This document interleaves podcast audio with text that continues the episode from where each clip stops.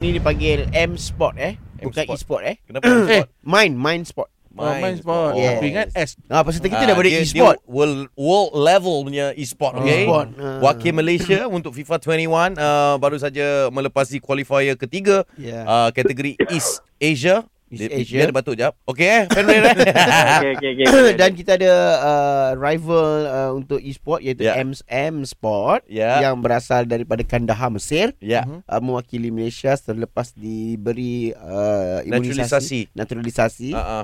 Imunisasi, babe. Oh, saya ambil Yeah. yeah. perlombaan uh, Yeah. yeah. unta Huh? 100 meter. Apa ni? Apa? Udah dua meter. Okey, kita ada Ray okay, lawan Lokman. Man, okey Man eh? Mana? Fenrir Ah, lawan okay. Ray eh. Baik eh. Okey, okey. Nama gamer lah. Fenrir lawan Ray Dab Dab. Ah, nama gamer lah. Come on. ah. Okey, soal menyoal permainannya Fenrir. Situasinya dua orang yang tengah buat persediaan untuk mewakili negara masing-masing dalam e-sport. Kau kena bertahan 10 soalan je. Kau lebih 10 soalan kau dah kira pemenang dah, bro. Ah, ah. Ah, okay. Okey eh. Main game apa? Kau ajak aku ke? Lawan siapa? Ah. Kenapa kau tak online? Ah, internet connection okey tak? Ah. Kau pakai apa? Main PC ke PS4? Eh. Mana yang best? Mana yang paling senang? Kenapa kau tak pilih? Kenapa kena lawan dengan Ray? Apa? Ray ke Johan lagi power? Ah, alright. Kau nak fight dengan siapa?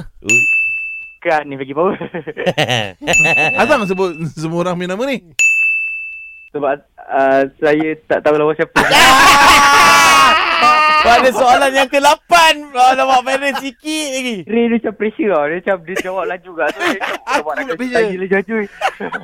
Lagi pressure nanti kau lawan dengan pemain-pemain Spanyol tau Ini baru pressure yang biasa tau. ah. Pelumba unta 100 meter je. Okay lah. Pada hari pagi ni saya terpaksa announce. Terpaksa tau. You win Ray. You win. Thank you, good luck bro Ah.